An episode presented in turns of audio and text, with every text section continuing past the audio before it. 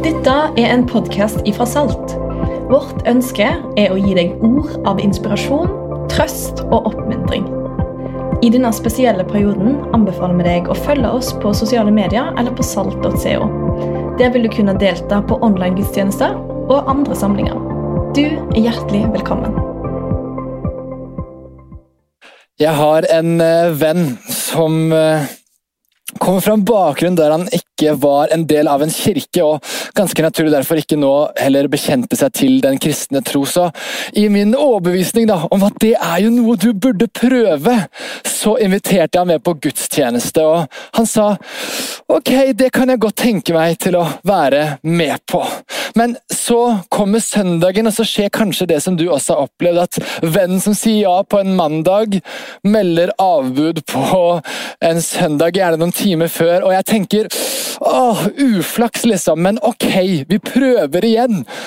Men når det samme gjentar seg både én og to og tre ganger, så aner jeg at det er kanskje mer enn bare uflaks som står i veien for at vennen min blir med til gudstjeneste. Kanskje ikke invitasjonen min er så fristende som jeg først trodde. Hvorfor sier jeg dette? Jo, fordi jeg har gjort følgende oppdagelse, og den er ganske enkel. At, at folk som bekjenner seg til den kristne tro, de, de har jo lyst til å være med å gi det videre. Man ønsker at flere skal komme til tro på det vi også tror på. Men jeg tror spørsmålet i hvert fall jeg sitter med, og som kanskje også du sitter med, er hvordan? Hvordan kan vanlige mennesker som oss være med og bidra til at flere mennesker kommer til tro? Hva gjør vi når ikke venn sier at å være med på gudstjeneste? Hvordan, hvordan kan jeg være med og bidra til at flere blir med? Og jeg, jeg, tror mange er enige om at, at ønsket vårt er ganske tydelig, men vi vet ikke helt hvordan det ser ut. Så når overskriften da, er å være sendt av Gud, så vet jeg ikke hva det vekker hos deg, men for min del sitter jeg også gjerne da med spørsmålet hvordan ser det ut å være sendt? Hvordan ser det ut å være sendt når du er student? Hvordan ser det ut å være sendt når du har begynt din første jobb etter studiene, og det er ganske travelt og mye press på jobben? Hvordan ser det ut å være sendt når du er i småbarnsfasen og tiden er knapp? Hvordan ser det ut å være sendt når barna selv begynner å ta valg om de skal tro eller ikke tro? Hvordan ser det ut å være sendt? De neste minuttene nå så har jeg lyst til å gjøre gapet mindre mellom ønsket av å være med å gjøre en forskjell og en praktisk tilnærming til hvordan det kan se ut å være sendt, uansett livsfase og ikke minst uansett personlighetstype, både for utadvendte og innadvendte personer. Jeg har lyst til å be.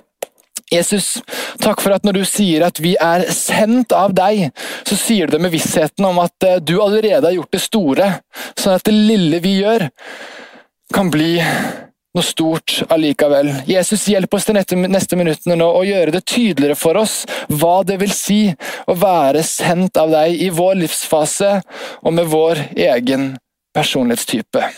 I Jesu navn. Amen. I sin eh, New York Times bestselgende bok så forklarer James Clear hvordan den desidert beste måten å tilegne seg en ny, gjentagende handling, det er følgende. Det er at Hvis du vil gjøre noe på en jevnlig basis, så må du legge det på noe som du allerede gjør. Det vil si at hvis du har lyst til, å bli litt flinkere til å ta noen pushups, så ikke si at du skal ta noen pushups i løpet av dagen. Jeg glemmer det veldig greit, men hvis du har lyst til å bli bedre på pushups, så si at ok, hver gang jeg står opp fra senga, noe du sannsynligvis gjør hver morgen, ja, da skal jeg ta ti pushups. Eller hver gang jeg går i dusjen, ja, da skal jeg i hvert fall jeg kommer ut av dusjen, så skal jeg kanskje ta noen situps og bli litt svett igjen. Og så er jeg jo kanskje en ny dusj, jeg vet ikke. Men uansett, altså at du fester det du har lyst til å gjøre oftere, på noe du allerede gjør. Og Hvorfor er det viktig for oss? Jo, for når vi snakker om å være sendt av Gud, så har jeg lyst til å ta dere med på en ting som jeg vet du og jeg gjør uansett livsfase og personlighetstype. Vi spiser et måltid. Og slapp av, jeg skal ikke rote meg bort i hva du spiser, kjære vegetarianer eller kjøtteter, og heller ikke hvordan du spiser, til og med ikke du som smatter høyere enn vi andre snakker. Jeg har heller lyst til å invitere deg til å kunne oppdage, eller muligens gjenoppdage, at et måltid kan være så mye mer enn et måltid. For det er ikke bare maten som blir delt under et måltid.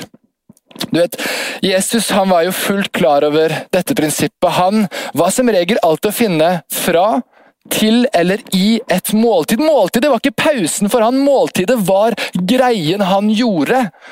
Og Jeg har lyst til å ta oss med på noen av disse måltidene for å se om det er noen fellesnevnere kanskje vi også kan ta med i vår hverdag for hva det vil si å være sendt av nemlig Jesus. Vi leser Levi holdt et stort selskap for ham hjemme hos seg, og en hel del tollere og syndere var sammen med ham til bords. Fariseerne og de skriftleide blant dem murret og sa til disiplene, Hvorfor spiser og drikker dere sammen med tollere og syndere? Spørsmålet om dette måltidsfellesskapet det er litt sårbart for fariseerne, for dette var som et høytidelig håndtrykk. Jesus deler ikke bare måltidet med dem, han deler en gjensidig anerkjennelse ved å spise med dem. For det er ikke bare maten som blir delt under et måltid. Jeg husker min aller første leiropplevelse sommeren i Stavern 2011. Jeg var åttendeklassing, og jeg var livredd. Det var så mange ungdommer som var større, sterkere, kulere og kjekkere enn meg, og jeg tenkte ah, hva skal jeg gjøre? Og av en eller annen grunn så gjorde jeg det utenkelige. For den første morgenen på den første frokosten så sto jeg opp før kompisene mine, og jeg gikk alene til frokost. Jeg vet det, du må ikke gjøre det! Du må ikke gå alene når du er åttendeklassing, men jeg gjorde det. Og jeg kom alene til den frokosten, og det uunngåelige skjedde. Jeg endte opp med å sitte alene på min første frokost på min første leir sommeren 2011 i Stavern. Og det var så trist! Jeg følte meg så dum. Helt til den kuleste lederen av de alle vandret forbi bordet mitt, stoppet, rygget tilbake og spurte det nydelige spørsmålet Er det ledig? Kan jeg sitte med deg? Og de neste 30 minuttene ble mitt store høydepunkt den dagen og den leiren. For det er ikke bare maten som blir delt under et måltid. En gjensidig anerkjennelse blir delt under et måltid. Og Denne anerkjennelsen viser Jesus ved å spise med disse tollerne og synderne. Men spørsmålet henger fortsatt over ham. Hvorfor spiser du med dem? Og han irettesetter dem med å si følgende. Der, der står det Det er ikke de friske som trenger lege, men de syke. Jeg har ikke kommet for å kalle rettferdige, men syndere til omvendelse. Og La meg være klinkende klar nå. Jesus sier ikke at disse fariseerne ikke trenger åndelig legedom. Tvert imot så vil jeg innvende at jeg tror de trenger det mer enn noen andre. For Gud står den stolte imot. Men, men det Jesus sier er egentlig dette at, at hvis ikke du klarer å innrømme din egen tilkortkommenhet, så er det ganske vanskelig å bli hjulpet. Du kan ikke gjøre noe med det du ikke våger å erkjenne. Og som vi skal se her nå, så er det en ganske sånn vanlig gjenganger i måltidene til Jesus. Det er mennesker som innrømmer sin egen tilkortkommenhet. Vi kan finne Jesus i et, i et annet måltid sammen med fariseeren Simon. Og Jeg ser for meg at det er pent og pyntelig pynta der. Altså, der har du liksom Bolia-sofaen, du har Kelervasen, du har flott, flott dandert mat. Men midt i denne fasaden nærmest, så kommer det en fremmed kvinne inn. Gjerne en prostituert, sannsynligvis. Og så setter hun seg ved Jesu føtter, begynner å gråte på dem og tørker dem med håret sitt før hun smører den inn med den fineste salve. Som et tydelig tegn på hennes egen tilkortkommenhet i møte med Guds egen sønn. For det er ikke bare maten som blir delt under et måltid. En erkjennelse kan også bli delt under et måltid. Og Nå tenker du kanskje Eivind, jeg vet ikke med deg, men det pleier ikke å komme en dame brasende inn i mitt hjem og komme liksom og lage en sånn atmosfære av erkjennelse. og Det skjer ikke så ofte med meg heller. Så spørsmålet mitt er egentlig dette nå. Hvordan kan vi som vanlige mennesker, sendt av Gud til måltid, skape en atmosfære av nettopp erkjennelse? En av de mest sette seriene for tiden, det er en serie som heter Rådebank. Og jeg vet ikke om du har sett den, men Den portretterer et, et rånemiljø i Bø, der vi møter Glenn Tore og gjengen hans, som elsker å mekke bil. De liker å ja, svi litt gummi, drikke energidrikk og ha det gøy. Men midt i denne moroa så kommer det etter hvert fram for oss som ser på at noen i gjengen ikke har det så bra. Og en dag så kommer sjokket. En i vennegjengen tar sitt eget liv. Og ingen så den komme. Og måten gjengen og bygda samler seg på, det, det, er mildt sagt rørende, men for meg ble det mest rørende øyeblikket av alle sammen dagen etter dødsfallet. Når Glenn Tore og kompisen Nilsen sitter i hver sin campingstol med pils i den ene hånda og røyk i den andre. Og så kan du bare merke hvordan den stereotypiske råneren Glenn Tore famler seg fram til det litt sånn vanskelige, rare, men viktige spørsmålet Åssen Åssen går det? Har du det vanskelig, Nilsen? Og Nilsen gir motstand i starten, men etter hvert så, så, så begynner han å mykne opp. Glenn Tore gir seg ikke. Og det hele blir en samtale som de aldri har hatt før, men som de burde ha hatt for lenge, lenge siden. Erkjennelse. Og du trenger ikke være råne fra Bø for å kjenne deg igjen i hvor vanskelig og viktig den samtalen der er. Og Jeg tror Glenn Tore skjønte den dagen der det som kanskje du og jeg også har erfart, at det er liksom først når en av oss tør å åpne oss litt for hva som er sårt og vanskelig, at den andre også tør å gjøre det samme. Og Kanskje når vi tenker på det å være sendt av Gud til måltid, så er det der vi må starte. At det er ikke vi som sånne perfekte, flotte kristne som skal fasilitere den nydelige Simon-middagen, liksom. Hvor alt bare er på stell, og hvor vi skal imponere våre venner. Nei, nei, nei. Det er ikke der vi skal starte. Hva om vi turte å være litt sårbare? Turte å innrømme hva vi syns er sinnssykt vanskelig?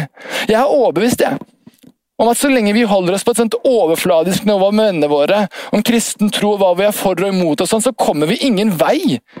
Jeg tror det er først vi, vi kommer ned på det sårbare og vanskelige, det er der vi snakker samme språk. Og jeg tror at det er når vi erkjenner de vanskelige tingene i livet, at troen din gir mest mening for vennen min. Kanskje det er der vi skal starte. At, at, anerkjennelsen, og ikke minst den gjensidige, ærlige erkjennelsen, er de beste forløperne til den store omvendelsen. Jesus viser oss gang på gang at et måltid kan være så mye mer enn et måltid. At det er ikke bare maten som trenger å bli delt under et måltid. Tenk om, da. Flere av våre måltid blir litt mer enn et måltid. Middagen med barna. Lunsjen med kollegaen. Kveldsvaten med studievennene. Som bare oser av anerkjennelse og erkjennelse. Og så lar vi Gud ved Hans hellige ånd ta seg av den eventuelle omvendelse. Jeg drømmer om en kirke der det er så tydelig at vi ikke bare møtes side om side i kirkeradene, men ansikt til ansikt over måltidet. At vi ikke bare inviterer til å stå side om side, men til å møtes ansikt til ansikt, sånn som Silje og Thomas gjør på Frekkhaug. Ansikt til ansikt over måltidet. Der finner vi noe som ikke vi gjør mange andre steder. Jeg drømmer om en kirke som er så kjent og så beryktet for sin varme anerkjennelse, sin ærlige erkjennelse og sin store, mangfoldige omvendelse. Og I dag har jeg lyst til å invitere deg til å være med i en sånn kirke. La oss være den kirka. Jeg ber. Jesus, takk for at uh, du har gjort det store, sånn at det lille vi gjør, kan bli fryktelig, fryktelig stort. Herre, hjelp oss å forstå og oppdage mer av hva det vil si å være sendt av deg i våre vanlige, uperfekte liv. Hjelp oss å både spre anerkjennelse og ikke minst erkjennelse med de venner vi møter, Herre. At ikke vi skal lage oss en fasade av hvem vi er, men at vi skal komme med åpenhet og ærlighet til bordet. Herre, hjelp oss til å være sånne folk som er sendt av deg til måltid med våre venner. I Jesu navn. Amen.